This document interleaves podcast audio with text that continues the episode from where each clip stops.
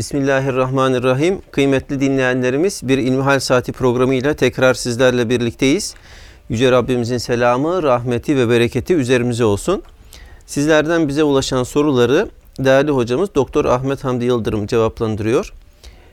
Muhterem hocam ilk sorumuz TOKİ'den konutla ilgili. Şöyle dinleyicimiz bize sormuş. Sosyal konut projesi kapsamında TOKİ'den kredi ile ev almanın dini hükmü nedir? Evet, elhamdülillahi rabbil alemin ve salatu ve selamu ala Resulina Muhammedin ve ala alihi ve sahbihi ecmain. Cenab-ı Allah çok açık ve net bir şekilde alışverişi, ticareti helal kıldığını, faizi ise haram kıldığını beyan ediyor. Ve bu ifadelerini de müşriklerin faizle alışverişin hiçbir farkı yok sözlerine red sadedinde söylüyor. Dolayısıyla bir Müslümanın faizin hiçbir türüyle ilişiğinin, ilgisinin, alakasının, iltisakının olması mümkün değil. Faizi haram kılan Cenab-ı Allah olduğuna göre devletin faizle iştikal ediyor olması, bir derneğin, bir vakfın, bir kuruluşun faizle iş yürütüyor olması faizi asla ve asla caiz hale getirmez. Diğer yandan Hz. Peygamber aleyhissalatu vesselam Efendimiz zihinlerimizde oluşabilecek olan yanlış algıları bertaraf etmek için faizi alan da veren de şahitliğini yapan da yazısını yazan da lanetlenmiştir buyurarak hem faiz işinin bizatihi kendisiyle meşgul olanları hem de lojistik hizmet sunanları aynı kategoriye almak suretiyle faizin kapsamını genişletmektedir. Dolayısıyla bir Müslümanın faizin adının geçtiği hiçbir yerde olması doğru değildir. Buna binaen faizin reel faiz, nominal faiz, negatif faiz, pozitif faiz diye farklı kısımlara ayrılması, ayrıştırılması faizin bir takım kısımlarına helallik getirmez, caizlik getirmez. Bazıları enflasyon oranının altındaki faizin caiz olduğunu söylemekteler. Buna binaen de devletin çok düşük faizle vermiş olduğu bu kredilerle sosyal konutların alınabileceğini söylemekteler. Halbuki Hz. Peygamber aleyhissalatu vesselam Efendimiz alan da veren de lanetlidir ifadesini söylemek suretiyle faizin negatifinin de pozitifinin de haram olduğunu beyan etmektedir. Yani enflasyonun altında olan da üstünde olan da haram olarak görülmektedir. Eğer enflasyonun üstünde bir faiz ödemişse bir kişi o zaman kendisi faiz vermiş ödediği müessese veya kişi de faiz almış olur.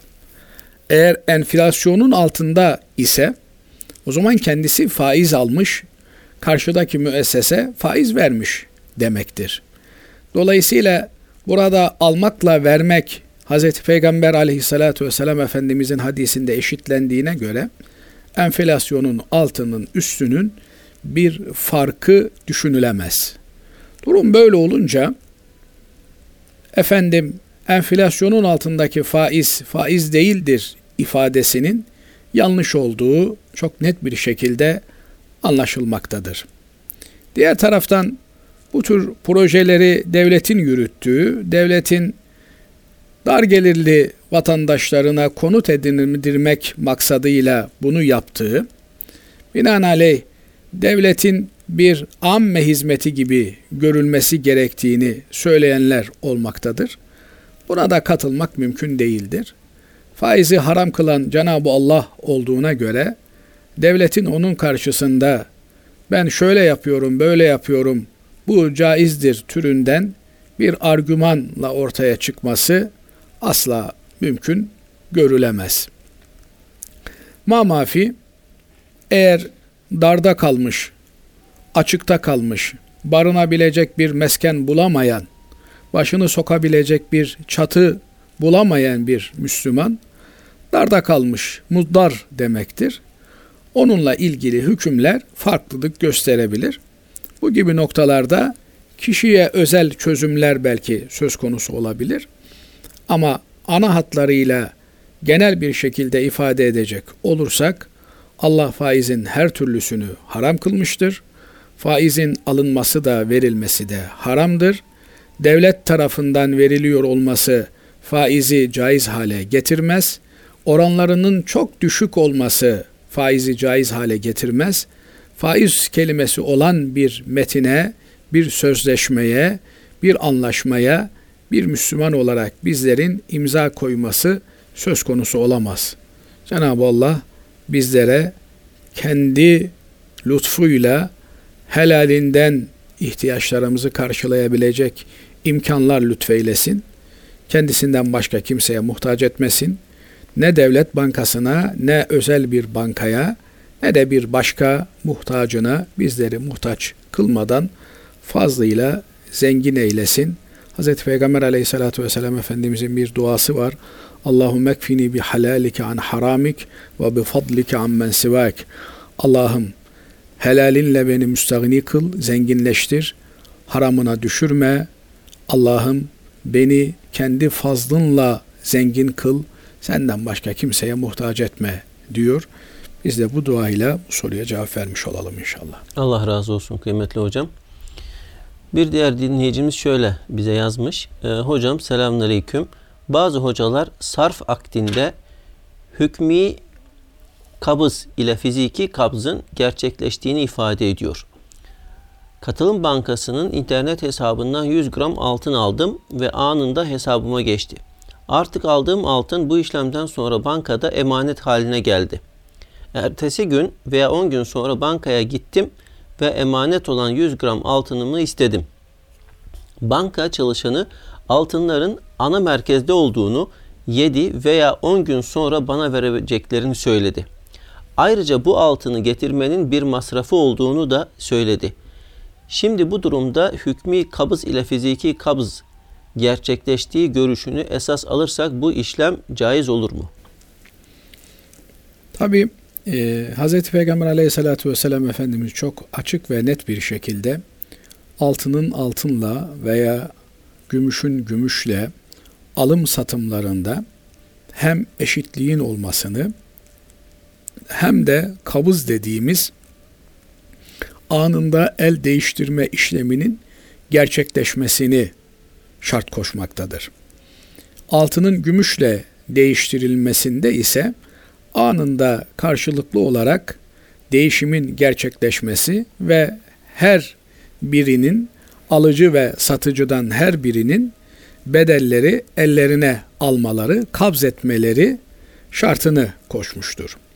Binaenaleyh buna göre yapılan bir sarf aktinde yani döviz değişiminde veya altın alınımında, gümüş alınımında eğer para verilip gümüş alınıyor, para verilip altın alınıyorsa veya para birimleri kendi aralarında değiştiriliyor, efendim Türk lirası verilip Amerikan doları alınıyor veya işte İngiliz sterlini verilip Türk lirası alınıyorsa böyle bir change işlemi, para değiştirme işlemi gerçekleşiyorsa bunların anında anlık olarak değiştirilmesi gerekir.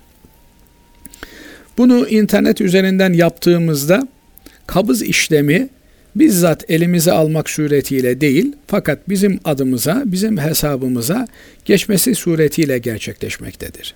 Burada önemli olan mesele kabzın gerçekleşmesi meselesidir. Ama kabzın eski dönemlerde ele almak suretiyle gerçekleştiği, bugünlerde farklı yöntemlerle kabzın gerçekleştiği söylenebilir. Böyle olunca internet hesabından bankacılık şubesine müracaatla işlem yapan bir kimsenin yapmış olduğu döviz alım satımlarının anlık olarak kendi hesabında görülmesiyle aradığımız şart olan kabız işlemi gerçekleşmektedir. Nitekim ilgili katılım bankası şubesine gittiğinizde siz dövizinizi veya Türk liranızı alabilmektesiniz. Bununla ilgili herhangi bir bedel ödenmemektedir. Ama iş değerli maden alımına geldiğinde mesela hesabınızdan Türk lirası vererek altın almak istiyorsunuz. 10 gram, 100 gram, 1 kilo altın almak istediğinizde yine aynı şekilde bu işlemi internet üzerinden yapabilmektesiniz.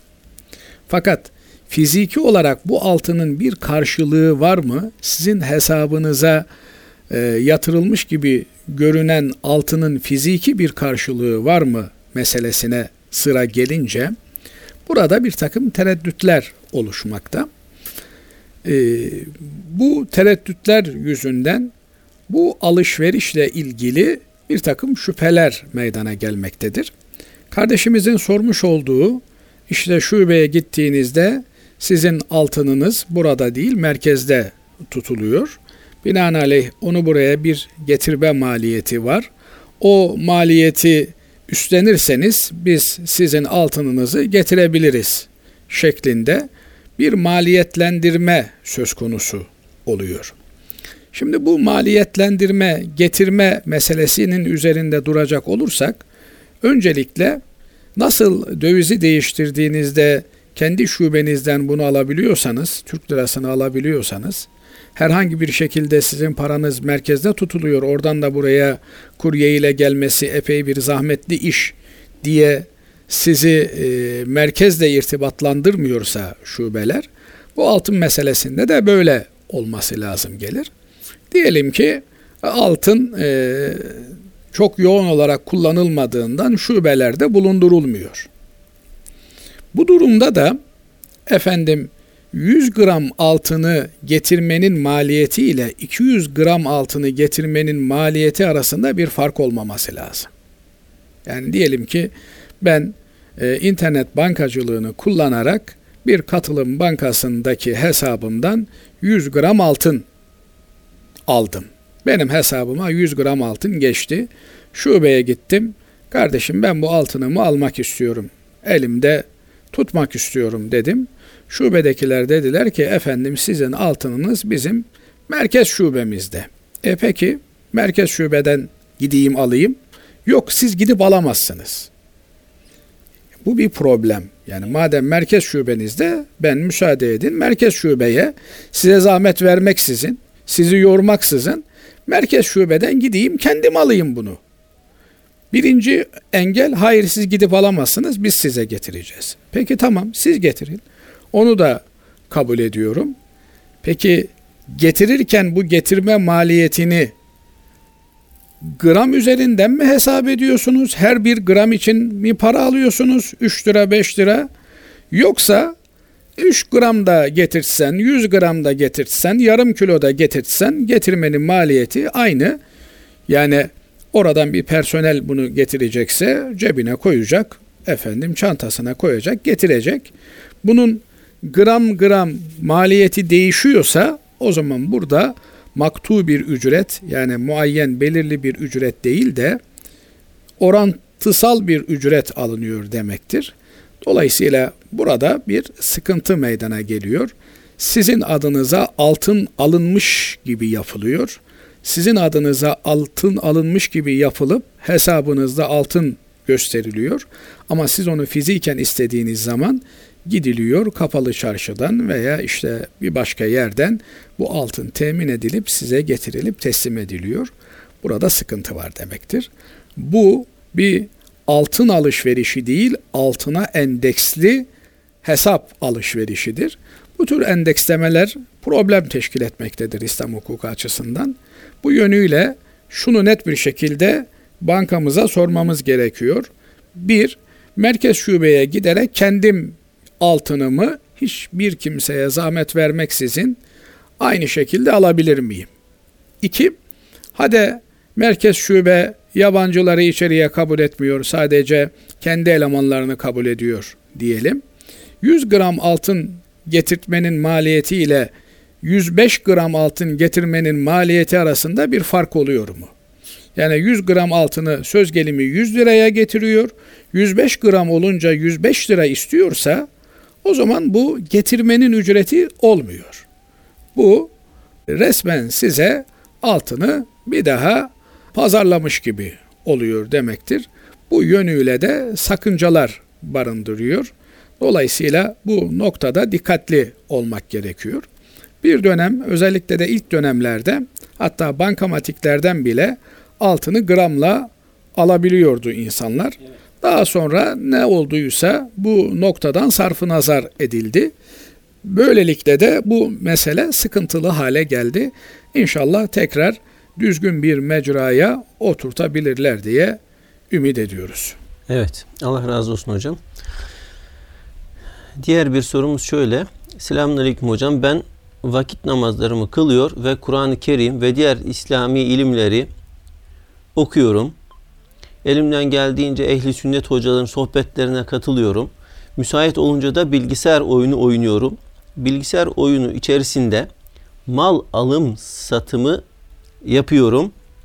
Benim bilgisayar oyunu oynamam caiz midir ve içerisindeki yaptığım ticaretteki para helal midir diye sormuş. Şimdi e, insan bir günde 24 saati yaşıyor. Bu 24 saatinin bir kısmını dinlenerek, uyuyarak geçiriyor. Bir kısmını Rabbine ibadetle geçiriyor. Bir kısmını da dünyevi meşgaleleriyle geçiniyor. Elbette insanın zaman zaman dönem dönem dinlenmeye, e, tabiri caizse stres atmaya da ihtiyacı var. Böyle bir e, dönemde meşru olan, uygun olan oyunları oynaması, hatta e, sosyalleşme adına arkadaşlarıyla, dostlarıyla meşru olan bir takım oyunları oynaması, meşru olmak bir tarafa teşvik de edilmiştir. Müstahap da görülmüştür. Efendimiz Aleyhisselatü Vesselam e, okçuluğu teşvik etmiştir. Efendim bir takım sporları teşvik etmiştir. Bu tür e, sporları bir oyun, bir yarışma olarak da insanlar yapabilirler. Daha zinde, daha çevik olmak maksadıyla bir takım e, sporları oyunla birleştirebilirler.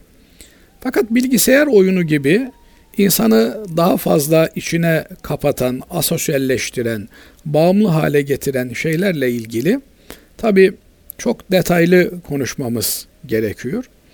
Öncelikle bu tür oyunların hakikaten günlük rutinlerimizin içerisinde e, belli bir zaman alacak şekilde düzenlenmemiş olması gerekir. Efendim ben günde yarım saat oyun oynarım diye onu bir vazife gibi, bir görev gibi addetmenin doğru olmadığını söylemek isterim. Ama insan birkaç günde bir, 4-5 günde bir efendim biraz e, zihnen yorulduğunda ortam değiştirmek için e, bu tür oyunlarla meşgul olabilir. İçerisinde haram barındırmayan, efendim müstehcenlik barındırmayan, ahlaksız bir şey barındırmayan oyunları oynayabilir. Bu oyunların içerisindeki ticari muamelelere gelince bu tabi farklı bir renk almaktadır. Oyunu oyun gibi oynamak lazım, ticareti de ticaret olarak yapmak lazım. Bu oyunlarda verilen efendim paralar, bu paraların satılması meselesi işi kumara çeviren yönleridir. Böyle olunca da her bir oyun için bizzat o oyun üzerinden bir değerlendirme yapmak gerekir. Burada kardeşimiz e, hangi tür oyunu oynadığını söylemiyor. Evet. Hangi bilgisayar oyunundan bahsettiğini bilmiyoruz. Kaldı ki e, bu bilgisayar o oyununun içerisine girip de bunların detaylarını, level'larını atlayarak ileride ne tür bir e, alım satım gibi opsiyonlar sunduğunu e, ortaya çıkarmak da kolay değil. Fakat ana hatlarıyla söylemek gerekirse bu tür bilgisayar oyunları içerisindeki paralı şeylerden uzak durmak lazım. Çünkü bunların içerisinde bir kumar unsuru da bulunmaktadır.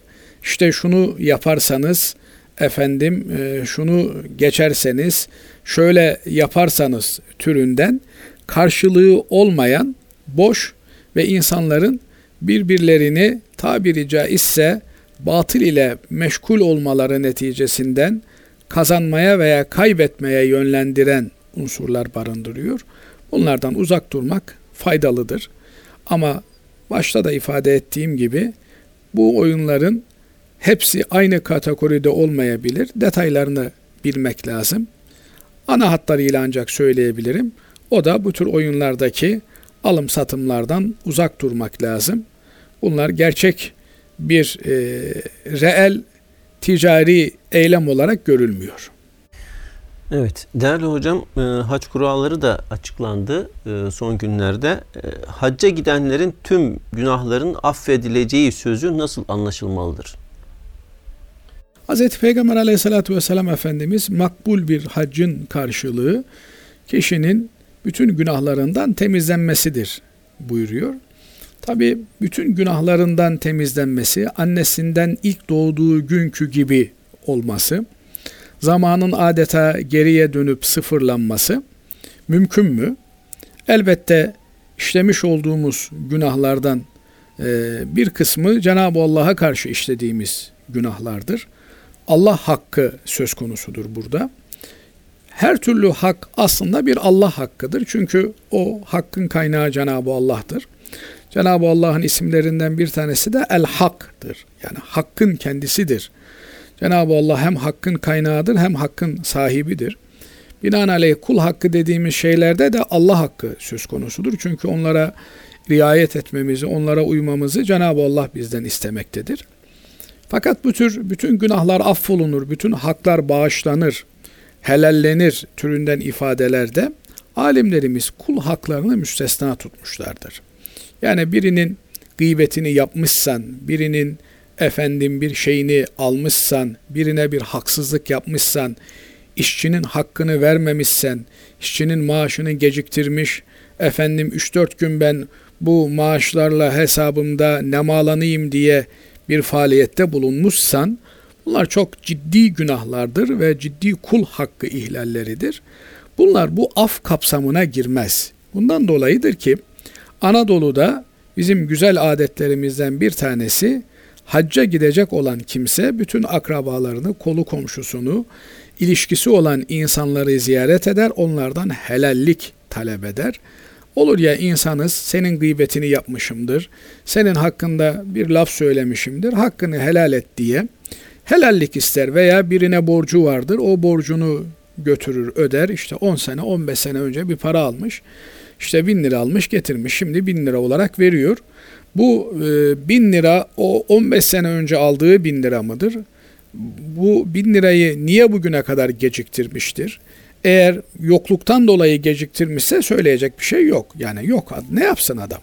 Ama var da geciktirmişse varken o paradan nemalanmış, o parayı değerlendirmiş, çalıştırmış, ondan bir servet elde etmişse o zaman bu helallik meselesi e, çok farklı boyutlar kazanmaktadır. Dolayısıyla helallik alırken de e, genel ifadelerle helallik almak değil, bizatihi helallik istediği noktayı da temas ederek dile getirmesi lazım. Yani ben işte e, sizin hakkınız olan bin lirayı gasp etmiştim, almıştım. Şimdi bunu ben size ödemek istiyorum. E, sizden helallik almak istiyorum. Helalleşelim. Veya efendim e, şu şey size verilmişti. Ben onu kendime layık görmüştüm, kullandım, ettim. Dolayısıyla helallik istiyorum diye helallik talebinde bulunmak lazım. Yoksa ana ifadelerle, genel ifadelerle hakkını helal et. Herkes birbirinin hakkını helal eder. Bu helallik meselesi çok önemli bir mesele. Anadolu irfanı e, hacca gidecek olan, önemli bir yolculuğa çıkacak olan kimselere e, örfen bunu e, dikte ederdi. Yani herkes gider kolu komşusundan helallik alır. Helallik vermek istemeyen işte e, hatırı sayılır kişilere müracaat edilir, ikna edilmeye çalışılır. Böyle bir çabanın, böyle bir gayretin neticesinde bir kimse e, hacca gitmiş, makbul bir hac yapmışsa Cenab-ı Allah onun günahlarını affeder. Bir de tabi e, sahibini bulamadığı kul hakları olabilir. Onlarla ilgili de Cenab-ı Allah'ın rahmeti ve mağfiretine sığınırız. Yeter ki bu haklar gayrimüslim hakkı olmasın. Yeter ki bu haklar hayvan hakları olmasın. Hayvan hakları ve gayrimüslim hakları bu bağlamda çok tehlikeli görülmüştür. Niye? Onlarla helalleşebilmenin bir yolu yok ahirette. Müslümanla helalleşirsin. Bir şekilde sevabını verirsin, günahını alırsın. Cenab-ı Allah'ın lütfuyla e, Rabbim her ikisini de cennetine koyar. Ama gayrimüslim olunca iş zorlaşıyor. Dolayısıyla bu gibi noktalarda e, Müslümanın hassas olması lazım. Hacca giderim, orada her türlü günahımı affettiririm, bağışlatırım diye böyle bir garanti kimseye verilmemiştir. Ama samimi bir şekilde bütün kul haklarını ödemeye çalışan, Cenab-ı Allah'a karşı olan borçlarını da kapatmaya çalışan bir kimseye Cenab-ı Allah bunu lütfeder. Yani bu şu demek değil tabi. Benim 3 e, üç senelik kaza namazım var, hacca gideyim, bütün namazlarımdan kurtulayım. Hayır. O senin borcunu borcunu ödeyeceksin. Yani o namazı kılacaksın. Ama namazı kılmanın yanında bir de onu geciktirmenin, vaktinde kılmamış olmanın bir günahı var. Belki Cenab-ı Allah lütfuyla, merhametiyle o günahı bağışlar. Dolayısıyla bu noktada da dikkatli olmak gerekiyor. Özellikle de kul hakkı meselesini çok iyi tahlil etmek gerekiyor. Hiçbir şey kul hakkını karşılamaz. Sadece ve sadece e, ilgilisiyle, muhatabıyla helallik almak çözümdür. Allah razı olsun değerli hocam. Kıymetli dinleyenlerimiz kısa bir araya gidiyoruz. Aradan sonra inşallah kaldığımız yerden devam edeceğiz. Huzur bulacağınız ve huzurla dinleyeceğiniz bir frekans. Erkam Radyo, Kalbin Sesi. Kıymetli dinleyenlerimiz İlmihal Saati programımızda kaldığımız yerden devam ediyoruz. Muhterem hocam bir dinleyicimiz bize bekarlık vergisi dinen caiz olur mu? İslam bekarlığa nasıl bakıyor diye sormuş. Bekarlık hoş bir şey değil tabi. Yani Hz. Peygamber aleyhissalatü vesselam Efendimiz evlilik sünnetimdir. Kim benim sünnetimden yüz çevirirse benden değildir buyurmaktadır. Binaenaleyh e, her Müslümanın vakti geldiğinde ki vakti de e, bülü çağından sonradır. Yani e, şimdi hadi diyelim ki kanunlar 18 yaşından aşağı evliliği yasaklıyorlar. E, 18 yaşına gelen her erkeğin kızın evlenmesi esastır. Ama 18 yaşından önce 17 yaşında evlendi diye bu haram değildir. Yani bir şeyin kanunen yasak olması Allah'ın dininde haram anlamına gelmiyor.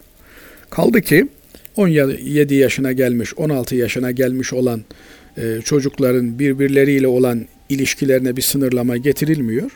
Ama biz evlendik dediklerinde bu bir e, suç olarak kabul ediliyor ise bunun da gözden geçirilmesi gerekir. Çünkü e, kanunlar milletin, halkın örflerinin hukuka yansımış halidir kanunların e, milletin, halkın örfünün aksine, e, gidişatının tersine bir yönlendirme yapması e, makul bir şey değildir. Bu ancak e, sömürge hukuklarında geçerli bir durumdur. Dolayısıyla dinimiz hem evlenmeyi sünnet olarak görmektedir hem de ilgililerine bekarları evlendirmeyi bir yükümlülük olarak bildirmektedir. Ve enkihu buyuruyor Cenab-ı Allah. Bekarları, dulları evlendiriniz buyuruyor. Binaenaleyh İslam toplumunda bir kimsenin nikahsız olması yadırganır.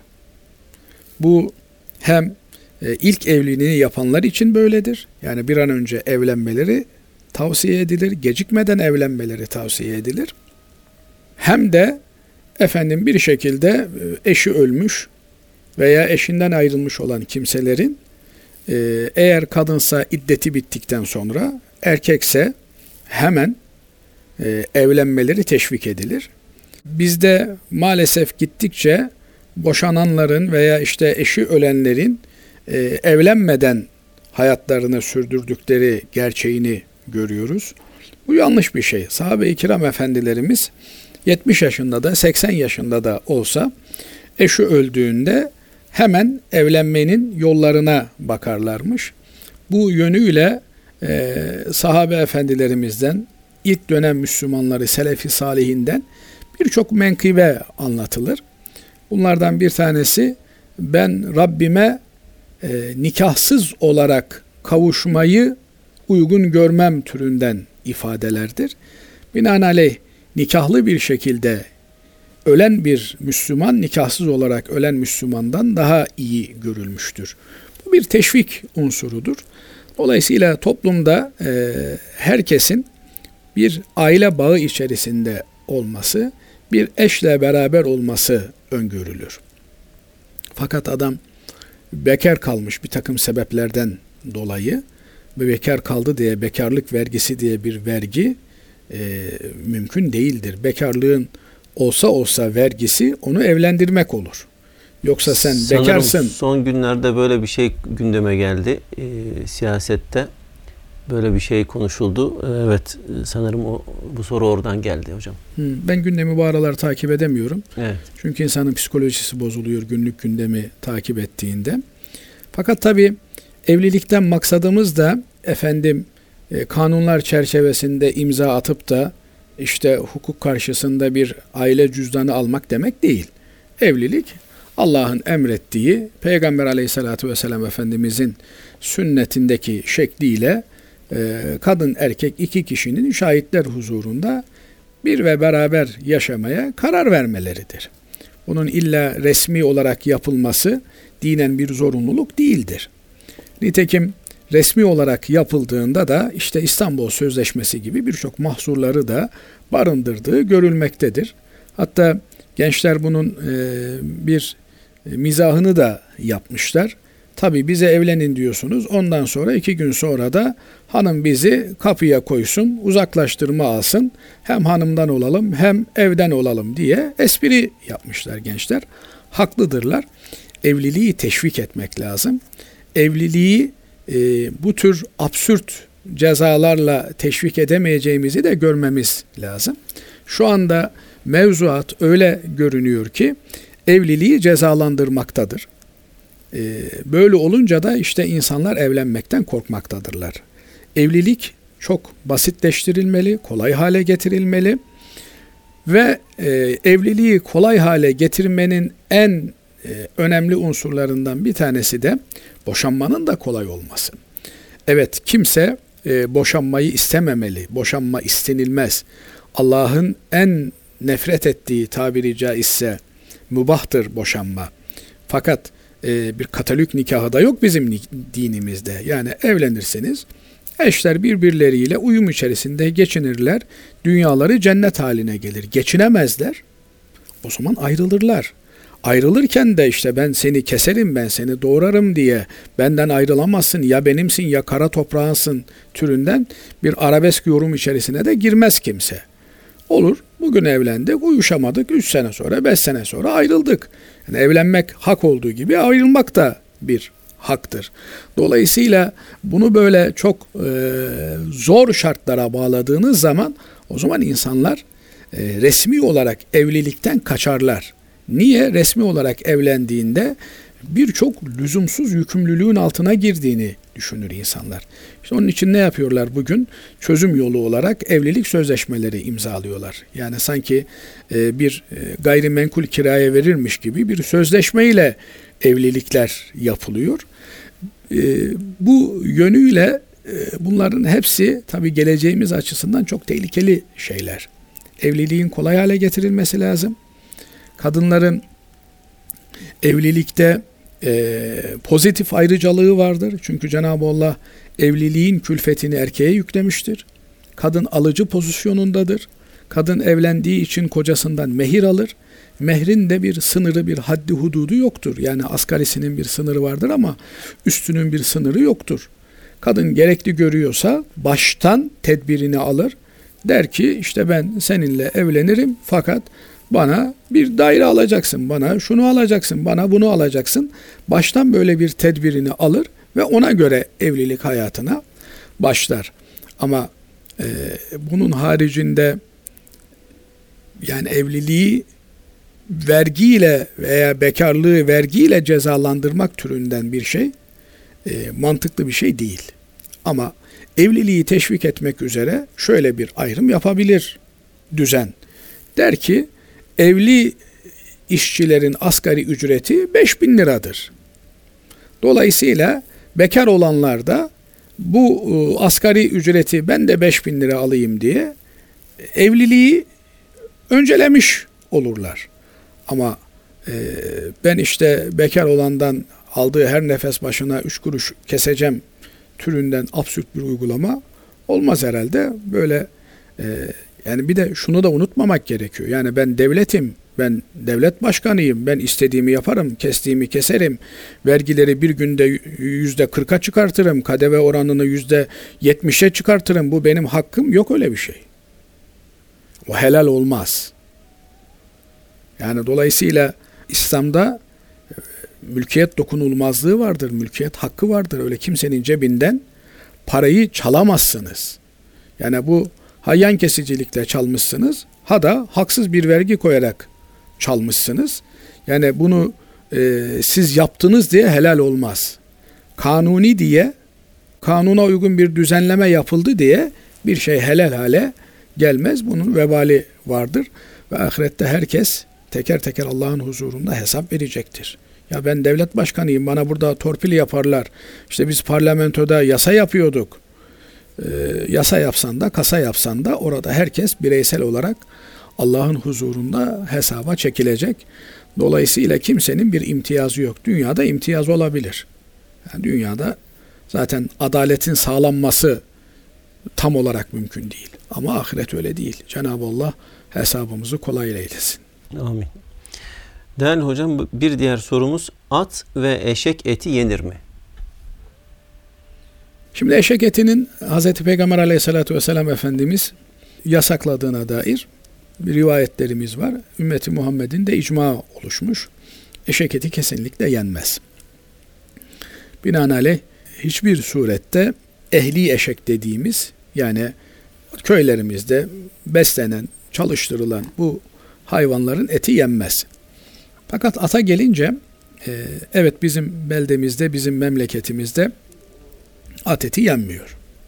Fakat Orta Asya'ya gittiğinizde, işte Kazakistan'a, Kırgızistan'a gittiğinizde oralarda at etinin yoğun bir şekilde yayıldiğini görüyoruz. Peki at eti yemek helal midir? At eti yemenin mekruh olduğunu Ebu Hanife Hazretleri söylüyor. O da atın bir cihat e, hayvanı olmasından kaynaklanıyor. Dolayısıyla at eti e, yenilirse, çok şekil bir şekilde tüketilirse cihatta kullanılacak olan bu hayvanların bulunamaması türünden bir problemle karşılaşır diye ümmeti Muhammed mekruhtur diyor. E, at etinin mekruh olduğunu söylüyor. Ama diğer alimlerimiz at etinin e, helal olduğunu, at eti yemenin bir problem teşkil etmediğini söylüyorlar. Binaenaleyh e, buradaki Müslümanlar bu e, atı e, yiyorlar. Yani bu Orta Asya'da ve bazı bölgelerdeki Müslümanlar yiyorlar. E, yemelerine müdahale eder miyiz? Etmeyiz. Yani biz yemesek de bizim örfümüzde, bizim adetimizde yenilmediği için yemesek de yiyenlere bir şey demeyiz. Fakat bu atlar da gelişi güzel atlar değillerdir. Özel besi e, atlarıdır. Yani dolayısıyla e, bazen işte duyuyoruz sağda solda işte bir takım merdiven altı yerlerde at kesilmiş, at etiyle şu yapılmış, bu yapılmış. Bu atlar değildir kastedilen atlar. Özel besi atlarıdır. Ve bunun da satılırken adı ünvanı belli olarak satılması gerekir. Yani at eti Yoksa inek eti diye at eti satarsa bir kimse haram ya işlemiş olur. Niye? E çünkü yalan beyan var. En e, büyük günah yalan konuşmaktır. Binaenaleyh e, böyle bir e, şeye tevessül etmesi bir kimsenin çok ağır bir vebal olmuş olur. Ama e, işte bazen burada Doğu Türkistanlı kardeşlerimiz var Türkiye'de. Kazakistan'dan, Kırgızistan'dan, Orta Asya'dan, Afganistan'dan, Afganistan'ın bazı bölgelerinden Türkiye'de yaşayan kardeşlerimiz var. Ee, onlar mesela at eti yemek istiyorlar. Bazen kendileri e, kestikleri oluyor. E, Tabi resmi makamlar bunu e, haber aldıklarında problem oluyor ama dinen biz bunlara haram işliyorlar diyemeyiz. E, niye? Çünkü alimlerimizden, mezheplerimizden bunun helal olduğunu, problemsiz olduğunu söyleyenler var. Her ne kadar bizler Hanefi olarak genelde Ebu Hanife Hazretleri'nin görüşleriyle amel ettiğimizden dolayı at eti yemeye sıcak bakmıyorsak da başkalarının yemesine de kesin haram olmadığından dolayı bir şey demeyiz. Dememiz doğru olmaz. Evet. Değerli hocam namazda başı sağa sola çevirmek namazı bozar mı?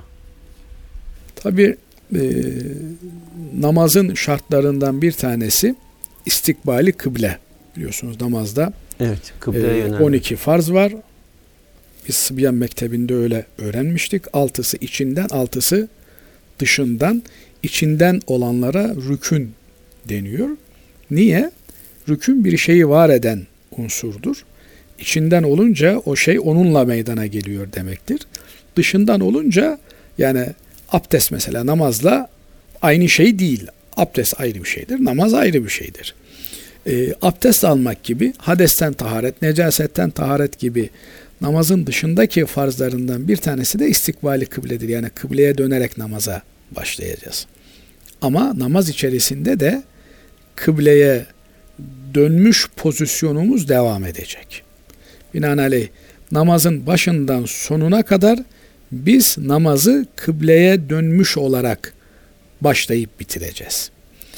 Eğer kıbleden saparsak o zaman namazımız bozulur. Peki e, burada asıl olan nedir? Yani şimdi bazen mesela bakıyorsunuz namazda safta adam ayaklarını açmış. E, işte bir metre kadar açmış ayaklarını adam. E, o kadar açınca da tabi ayak uçları biri şarka biri garba bakıyor. Biri batıya biri doğuya bakıyor. Kıbleden kaymış. Halbuki asıl olan nedir? Ayak uçlarının kıbleye dönük olmasıdır. Başın, gövdenin, vücudun kıbleye dönük olmasıdır. Çünkü kıbleye dönmek namazın şartlarından bir tanesidir. Ancak burada e, şöyle bir durum söz konusu. Bir adam başını çevirdiğinde başını sağa doğru çeviriyor, sola doğru çeviriyor. Kıbleden sapmış olur mu? Olmaz. Niye? Nihayetinde selam verirken de sağa sola selam veriyoruz namazdan çıkarken. Ne zaman bir kimse kıbleden sapmış olur? Göğsünü çevirdiğinde sapmış olur. Onun haricinde evet doğru olan, asıl olan bütün organlarımızın, azalarımızın kıbleye dönük olarak durmasıdır. Ama işte e, elini kaldırdı, ayaklarını secdede koydu, yere koydu. E, bu gibi durumlarda secdeden dönmüş oldu mesela eller, ayaklar. E, kıbleden dönmüş oldu. Bunlar namazı bozacak şeyler değil. Ama göğsünü kıbleden çevirirse bu çevirmenin de bir yarım daire kadar olması gerekir. Dolayısıyla işte ufak bir yönelme, dönme namazı bozmaz. Burada tabi kıbleye dönme meselesi, kıbleye e, yüz çevirme meselesi, Kabe'yi muazzamayı görmek durumunda olanlarla çok uzaktan olanlar arasında da değişmektedir. Şimdi e, ümre için, haç için bizim gibi Müslümanlar yani uzakta olan Müslümanlar Mekke'de yaşamayan Müslümanlar gittiklerinde Kabe'yi muazzamayı görme ve Kabe'yi görerek namaz kılma bahtiyarlığına eriyoruz. O zaman yani tavaf alanında mataftayken veya işte üst katlardan Kabe'yi görme imkanımız olan yerde kaşımızın ortasını Kabe'nin ortasına doğru e, tutar öğle namazı kılarız ve namaz kılarken normalde gözümüz secde edeceğimiz yerde olmalı. Rükû esnasında dizlerimizde otururken ellerimizde olmalı. Yani gözün nereye bakacağını da anlatmışlar alimlerimiz. Ama Kabe'yi görme imkanı olduğu yerde gözün bakacak tek bir yeri var. O da Kabe'yi muazzama. Cenab-ı Allah hepimize doya doya Kabe'yi muazzamayı seyretmeyi nasip eylesin. Gönlü Kabe'de olan kullarından eylesin bizleri. Ama eğer Kabe'yi göremiyorsak o zaman Kabe'nin hizasına dönmemiz gerekir. Yani Kabe'nin bulunduğu yöne dönmemiz gerekir. Çünkü uzakta olan birinin tam böyle kaşının ortasını Kabe'yi muazzamaya denk getirmesi mümkün olmayabilir. Gerçi bugünkü imkanlarla, teknolojik e, araçlarla bu biraz daha mümkün hale gelmiştir. Fakat uzakta olan Müslümanlar için, Kabe'yi görmeden namaz kılmak durumunda olan Müslümanlar için alimlerimiz derler ki Kabe'nin cihetinden dönmediği sürece yani o yönden ayrılmadığı sürece kıbleye dönmüş sayılır. E, binaenaleyh camide namaz kılan bir Müslüman e, birkaç derece e, dönmesiyle sağa sola vücudunu kıble pozisyonundan ayrılmış olmaz. Ama e, işte mihraba doğru omuzunu döndürecek olursa o namazdan çıkmış olur. Namazı bozulmuş olur. Dolayısıyla e, başı çevirmek kıbleden dönmek anlamına gelmez. Evet. Allah razı olsun kıymetli hocam. Teşekkür ediyoruz. Değerli dinleyenlerimiz bir İlmihal Saati programının daha sonuna ermiş bulunuyoruz. Hepinizi Allah'a emanet ediyoruz efendim. Hoşçakalın.